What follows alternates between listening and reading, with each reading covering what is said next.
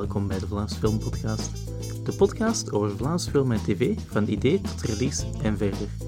Mijn naam is Rick Boykes. Dit is de laatste aflevering van 2020. Een half jaar geleden kwam ik op het idee om een podcast te doen over Vlaams film en tv. Na veel uitstellen had ik in oktober eindelijk mijn eerste aflevering klaar en ik zit ondertussen aan nummer 11. Ik wil graag iedereen bedanken die toezegde voor een interview. Daarnaast ook mijn vrouw voor alle steun en natuurlijk iedereen die luistert. Voor deze aflevering spreek ik met Lise Lambert en Laurien Poelwans. Zij zijn producenten bij Sylvester, waar ze verantwoordelijk zijn voor de fictieafdeling.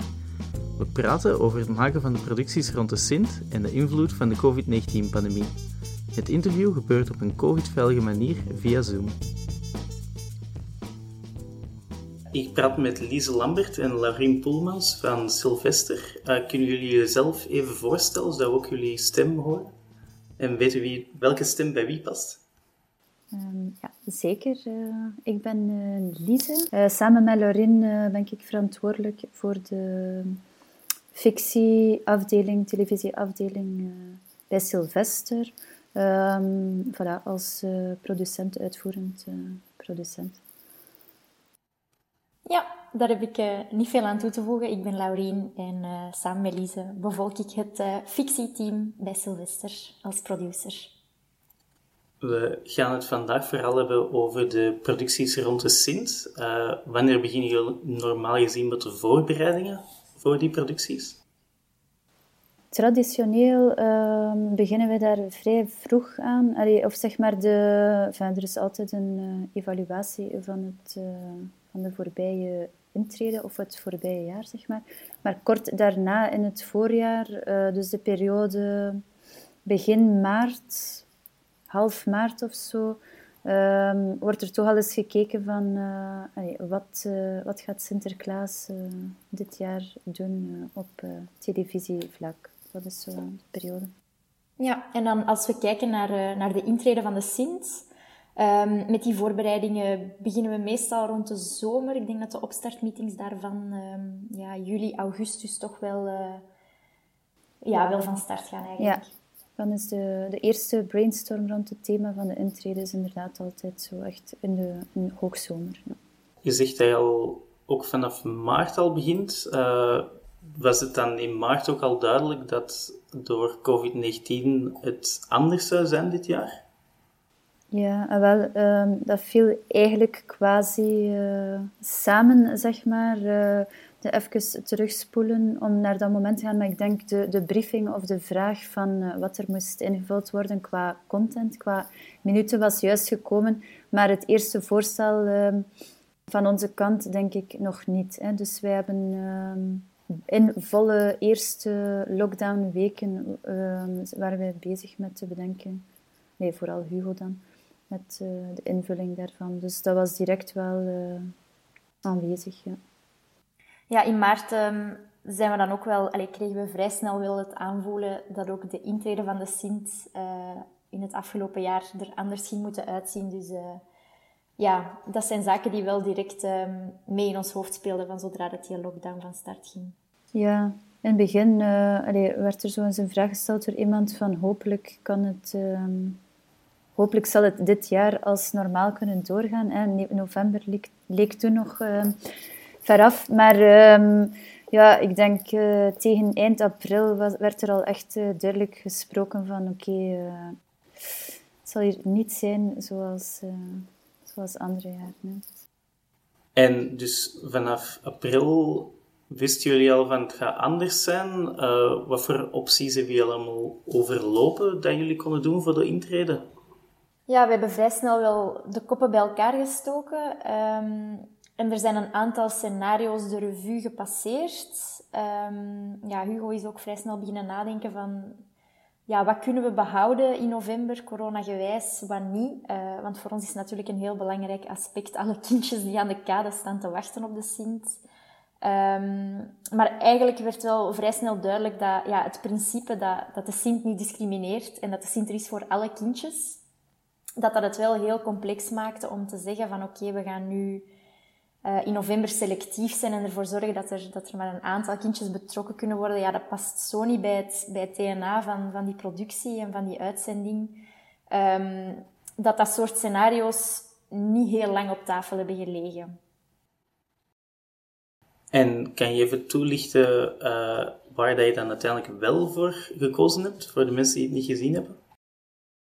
Ja, uiteindelijk zijn we gegaan voor een um, uitzending, een live uitzending van het, uh, geheime hoofdkwartier van um, Sinterklaas in Antwerpen, waarbij er ook werd uh, teruggekeken naar wat er bij de aankomst van de boot was gebeurd. Hè. Maar uh, dus de format waarbij de professor samen met Bart Peters naar de intrede kijkt als bij wijze van, commentator, zoals bij een sportmatch, dat is wel behouden gebleven. Alleen waren zij nu eigenlijk vanuit dat hoofdkwartier aan het kijken wat er zich in de andere ruimtes uh, afspeelde. Ja, en de concrete aankomst van de stoomboot, um, dat was dan een terugblik naar de nacht voordien. Uh, aangezien dat die stoomboot ja, heel uitzonderlijk uh, een keertje s'nachts was toegekomen in plaats van uh, op de dag van de intrede zelf. Dus daar werd dan gewerkt met, de, ja, met flashbacks naar de nacht van de aankomst. Dat was enerzijds uh, een uh, inhoudelijke keuze, zeg maar, dat die stoomboot s'nachts moest aankomen. Dat was magisch, maar dat was zeker ook wel een productionele keuze, eigenlijk om, los van ja, dat je geen event organiseert, hè, moet je natuurlijk ook geen spontane volkstoeloop creëren. Dus daarmee uh, is er geopteerd om dat uh, s'nachts, of, uh, of toch tenminste in de avonduren, nog net voor de avondklok, te laten plaatsvinden op een minder publieke plek dan, dan andere jaren. En hoe voelde die aankomst op het moment zelf? waren jullie daar zelf ook bij? Of, Ja, zeker. um, ja, dat was ja, uitzonderlijk. Het, het, zag er heel mooi uit. Het, het, allee, het was wel een magisch moment, denk ik, voor iedereen die erbij betrokken was. Um, de stoomboot was heel mooi verlicht met, uh, met lampionnetjes. Uh, er stonden lantaarns aan de kade. Dus um, ja, het zag er heel feestelijk uit, maar het, het was voor ons ook wel heel bevreemdend. We zijn gewend om, om die stoomboot in een totaal andere context uh, de stad zien binnen te varen. Dus ja, een heel, een heel mixed gevoel eigenlijk. We waren trots en blij dat we het konden realiseren in het moeilijke jaar. Dus ik denk dat er bij iedereen ook wel een, een soort van opluchting was van oké, de Sint is aan het toekomen en we kunnen dit op beeld vastleggen. Um, maar ja, we missen natuurlijk uh, de reacties van al die kinderen die dan normaal gezien bij betrokken zijn. Hebben jullie na de uitzending dan wel reacties gekregen van de kinderen? Ja, ik denk uh, beperkt natuurlijk. Uh, je kunt de sfeer uh, die dat er anders heerst niet rechtstreeks opsnuiven, aangezien dat iedereen in zijn eigen bubbel naar tv was aan het kijken. maar uiteraard hebben wij wel zoveel mogelijk reacties proberen te sprokkelen en waren wij vooral bezig met, ja, met te kijken hoe dat er gereageerd werd op vlak van kijkcijfers, op vlak van reacties op sociale media. Maar dat geeft natuurlijk ja, een, ander, een heel ander beeld op de uitzending dan, uh, dan gewoonlijk. Ja, die, die, groeps, uh, enfin, die groepsbeleving of zoiets was, uh, was er niet hè, dit jaar. Maar los daarvan, de reacties die wij dan gekregen hebben van, van, de, ja, van de verschillende partijen waren eigenlijk wel echt hartverwarmend. De meeste, de meeste kijkers en kijkertjes konden dat wel smaken. Dus dat was wel fijn. Ja, absoluut. We hebben uh, beelden gekregen van, van leerkrachten die dat bijvoorbeeld de intrede op maandagmorgen in de klas lieten zien. Uh, dus op die manier kregen we dan toch een beetje feedback, maar het is natuurlijk uh, niet hetzelfde. jullie produceren ook de Sintkrant, waarin we de vrienden van de Sint in aparte korte scènes zien. Vanaf wanneer hebben jullie dat bedacht? Was het dan in de zomer? Nee, dat was dus uh, hetgeen uh, dat we hebben... Allee, dat is uh, van, van, concept tot uiteindelijk scenario zit er nog een periode tussen. Maar dat is hetgeen dat eigenlijk in april, eh, de eerste weken van de lockdown eigenlijk eh, werd bedacht. Was dan het format waarin dat er maar een beperkt aantal personages bij elkaar zijn? Was het ook gerelateerd aan COVID? Nee, eigenlijk niet. Uh, dat maakt eigenlijk deel uit van het format van de, de Sint-krant zelf. Hè.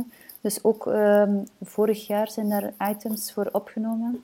Dus niet alles is dit jaar opgenomen. En dat, ehm, ja, het idee is gewoon dat de, ehm, de personages uit de, enfin, de entourage van de Sint uh, kortere items maken. Ja, dat is een rubriekprogramma. Ja, dat kwam, uh, enfin, dat kwam natuurlijk met uh, richtlijnen rond COVID kwam dat wel goed uit. In de zin dat, uh, dat we eigenlijk op elk moment van uh, de lockdown wel vrij zeker konden zijn dat dat beperkt genoeg was om zeker te kunnen doorgaan. Want bij Sinterklaas zit je wel met een opleverdatum ja, die niet kan uitgesteld worden.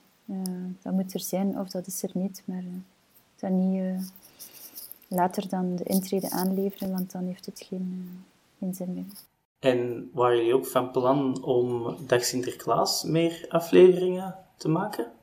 Nee, uh, Dag Sinterklaas is eigenlijk volledig uh, gedraaid en opgeleverd vorig jaar, in 2019. Um, ehm, er is wel ooit een strategie geweest om uh, de eerste tien van de totale 20 afleveringen in 2019 te programmeren en de tweede helft dan pas in 2020. Maar die strategie is eigenlijk in 2019 herbeke ja, herbekeken uh, waardoor dat de, ja, het totaal van de 20 afleveringen in 2020 al, uh, nee, 2019 al gelanceerd zijn. Dus dat, uh, dat was niet COVID-gerelateerd, nog niet. wat zijn de belangrijkste maatregelen die jullie hebben genomen tegen COVID-19? Ja, wij hebben eigenlijk rigoureus van de, de bestaande protocollen eigenlijk, die dan begin juni zijn vastgelegd, die hebben wij gevolgd. Wij nemen daarnaast ook wel de temperatuur nog extra op bij iedereen die binnenkomt. Dat is niet uh, nodig. Maar ja, daarnaast, ik denk dat de maatregelen gekend zijn. Dus um, ja, dat, de, enfin, dat gaat mondmaskers dragen, uiteraard handhygiëne. Um, maar ook wel de, het aantal vierkante meters van de binnenruimtes uh, opmeten en kijken uh, hoeveel personen dat er dan eigenlijk mogen zijn als die zitten of als die in beweging zijn. Um, we hangen dat dan ook wel uit per ruimte. Dus uh, ik zou zeggen, uh, over het algemeen uh, heb ik de indruk dat we, die, ja, dat we heel strikt zijn wel met... Ehm, ja. ja, we wijzen ook een coronacoördinator aan die dat dan ook die maximale bezetting effectief opvolgt, die alle werkoppervlakken regelmatig ontsmet, die na de middag rondgaan met verse mondmaskers, zodat die uh, niet te lang gebruikt worden. Um, dus ja, ik denk dat dat de belangrijkste zijn. Daarnaast ook, uh, ja, catering is natuurlijk iets dat uh, niet zoals gewoonlijk kan doorgaan. We zorgen dan voor maaltijden die dat verpakt zijn in individuele porties. Um, en een gemeenschappelijke cateringtafel, ja, die is er dan eventjes niet, tenzij heel specifiek individueel verpakte snacks. uh, waren er momenten waarop dat jullie geen opnames konden doen omdat er iemand ziek was? Ja, bij ehm, de voorziene opnames rond de intrede was een van onze medewerkers, waar dan wij eigenlijk al jaren mee samenwerken, ook voor de Sinterklaasproducties. Dat is uh, Pieter Embrechts. Die, was eigenlijk, uh, die had zich laten testen op basis van een aantal symptomen en die heeft positief getest. Dus uh, op dat moment was dat wel, enfin, waren de opnames denk ik net begonnen. Dus moest eigenlijk samen met uh, Hugo en dan de beide regisseurs het uh, scenario herbekeken worden. Dus, um, dus dat was wel een uh, groot stressmoment dit jaar, zeg maar. Omdat Pieter is ook wel eigenlijk een cruciale, heeft een cruciale rol eigenlijk in de productie. Hè. En op dat moment kan je natuurlijk niet gewoon uitstellen. Ja, nee. Nee, ja, dat is het uh, typische bij die Sinterklaasproducties. Die moeten er, uh, die moeten er liggen, zeker als het over een, uh, een live intrede gaat. Dus dat, ja, dat was naar corona-impact toe voor ons wel, wel een heftige, waardoor dat, ja, de hele planning, het hele scenario even omgegooid moest worden. Ja, enfin, het is wel bekeken natuurlijk, van in hoeverre is het mogelijk om toch één ehm, één moment nog later op te nemen met Pieter. Maar uh, ja, eigenlijk als iemand ziek is, dan uh, kun je daar ook het verloop niet van uh, voorspellen. Hè. Dus er is dan ja, geopteerd ja. Om, om zonder hem te werken. met pijn in het hart. Ja, ja maar dat zijn allemaal overwegingen die dat wij ook wel ehm, heel close met Ketnet steeds ehm, hebben besproken om te bekijken van ja, wat kan, wat kan niet. Maar uiteindelijk zit je daar met een hele strikte deadline wel. Uh, zijn er onverwachte positieve kanten aan het hele COVID-19-verhaal? Amper? Ja, op vlak van, je, bedoelt niet op maatschappelijk vlak, maar specifiek voor onze sector, vermoed ik. Ja. Uh, daar zie ik eigenlijk inderdaad niet zoveel uh, positief of onverwacht positief. Ja, het enige waaraan dat ik kan denken is het feit uh, dat er op bepaalde vlakken even tijd was, die dat we vaak missen om, uh, om te werken aan producties in ontwikkeling. Uh, omdat je toch naar opnames toe, ja, zeker in maart, april, wel even echt uh, vastzit. dus dat gaf ons eventueel, als we dan toch naar iets positiefs zoeken, wel de ruimte om, um, ja, om, om projecten in ontwikkeling even een doorstart te kunnen geven. Um, maar ja, dat is dan een heel beperkt positief element aan een overwegend negatieve situatie toch wel. Ja, ik denk uh, qua naar enfin, methodieken of manier van werken of uh, al die dingen, het filmen zelf denk ik, kan ik niet direct iets positiefs bedenken. Maar als je bij de podcast nog andere mensen hoort die dat wel kunnen, dan willen we dat graag horen. Vanaf januari wordt er begonnen met vaccineren. hoe zien jullie de maatregelen evolueren? Op korte termijn zien wij die denk ik amper evolueren. Hè. Um, ik denk dat we zeker nog heel lang um, met onze mondmaskers op zet gaan staan en, en dat die handhygiëne dat dat iets is dat ook niet meer meteen gaat verdwijnen. Um, dus op dat vlak denk ik dat, dat die eerste vaccinatierondes in januari op ons nog weinig effect gaan hebben. Ja, als we dan verder naar de toekomst kijken, ja, hoop ik dat we naar acteursbubbels toe ja, eventueel nog kunnen uitbreiden, maar ook dat zie ik uh, niet direct gebeuren eigenlijk. Nee, ik, uh, een echte een officiële versoepeling van de protocols, denk ik, uh, ja, zie ik maar ta op tafel liggen, zelfs in het najaar of zoiets. Dat het dan bespreekbaar is. Hè. Eh. Ja, we gaan er zeker van uit dat we alleen in 2021 nog onder dat, dat huidige protocol gaan werken. Um, ja, en we zijn ook gewoon blij dat dat wel een werkbaar protocol is, dat we dat kunnen. Um, dus dat zal er nog wel even in blijven zitten, denk ik. En uh, zijn er maatregelen die wel kunnen blijven, zelfs als alles achter de rug is? Uh, een klein voorbeeldje waar ik aan denk, uh, alcoholgel in de supermarkten. Ja, je kunt je voorstellen dat die uh, alcoholgel dispensers overal blijven staan en niet alleen onze werkplek, maar gewoon overal. Maar ja, daarnaast denk ik uh, sowieso de mensen die bijvoorbeeld met eten bezig zijn of met make-up en de contactberoepen op set, die hadden op zich al een heel goede hygiëne. Hè? Um, dus op zich, daarnaast denk ik... Ja, de, de mentaliteit, uh, eventueel dat mensen niet met een beetje koorts of, of een, een snotvalling uh, meteen naar zit gaan komen zonder zich daar vragen bij te stellen. Misschien is dat ook wel iets dat, uh, dat we gaan blijven merken en dat is misschien ook niet slecht. Um, dus ik denk dat we zeker nog wel een lange tijd die, die extra gevoeligheid gaan hebben naar ja, ziek u mengen met, met een grote groep mensen, wat dat opzet onvermijdelijk is. Ja, dat is waar. Dat, uh, ja, ik denk dat ja, ook, maar ook gewoon uh, breder dan uh, de filmsector, dat zal iets zijn dat blijft. Hè. Dat het eigenlijk uh, echt not done is om ehm, een dafval aan te pakken en met buikgriep naar de set te komen en de boel een beetje gaan. Ja. Maar ja, dat is eigenlijk, ja, dat klinkt nu al absurd, maar in feite in het verleden is dat toch wel echt al gebeurd. Zo'n set met buikgriep en zo van.